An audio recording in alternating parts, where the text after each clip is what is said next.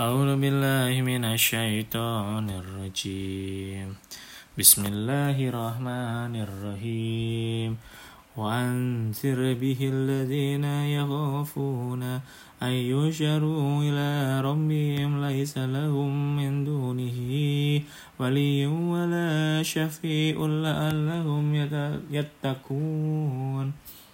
ولا تذروا الذين يدعون ربهم بالغداة والعشي يريدون وجهه.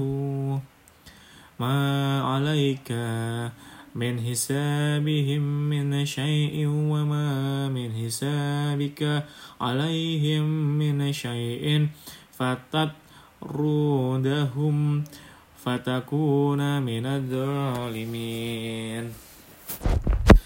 وكذلك فتنا بعضهم ببعض ليقولوا أهؤلاء من الله عليهم من بين من بيننا.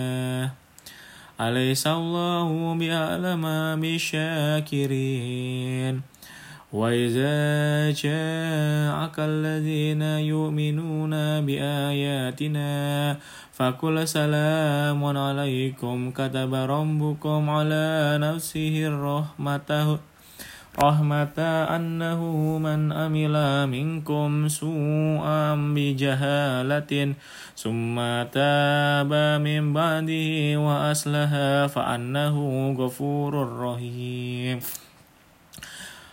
وكذلك وكذلك يفصل الآيات لتستبين سبيل المجرمين قل إني نهيت أن أعبد أن أعبد الذين تدعون من دون الله قل لا أتبع أهواءكم قد ضلل ضللت إذا وما أنا من المهتدين. قل إني على بينة من ربي وكذبتم به. ما إني ما تستعجلون به. إن الحكم إلا لله. يقص الحق وهو خير الفاصلين. قل لو أن عندي ما تستعجلون به لقضي الأمر بيني وبينكم. الله أعلم بالظالمين. وعنده مفاتيح الغيب لا يعلمها إلا هو. ويعلم ما في البر والبحر وما تسكت من ورقة إلا يعلمها ولا هبة في ظلمات الأرض ولا رطب ولا يابس إلا في كتاب مبين. وهو الذي يتوف يتوفاكم بالليل ويعلم ما جراتم بالنهار ثم يبعثكم فيه ليقضى أجل مسمى. ثم إليه مرجعكم ثم ينبئكم بما كنتم تعملون. وهو القاهر فوق عباده ويرسل عليكم حفظا حتى إذا جاء أحدكم الموت توفته رسلنا وهم لا يفرطون. ثم ردوا إلى الله مولاهم الحق.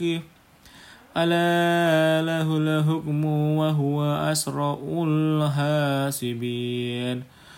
قل من ينجيكم من ظلمات البر والبحر تدعونه تضرعا وخفيا. لئن أنجانا من هذه لنكونن من الشاكرين. قل الله ينجيكم منها ومن كل كرب ثم أنتم تشركون قل هو القادر على أن يبعث عليكم عذابا من فوقكم أو من تحت أرجلكم أو يلبسكم شيعا ويذيق بعضكم بأس بعض انظر كيف نصرف الآيات لعلهم يفقهون. وكذب به قومك وهو الحق. قل لست عليكم بوكيل. لكل نبأ مستقر وسوف تعلمون.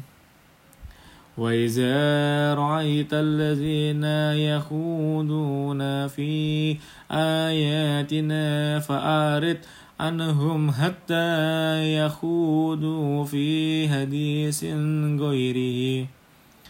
وإما ينسينك الشيطان فلا تعود تعود بعد الذكرى مع القوم الظالمين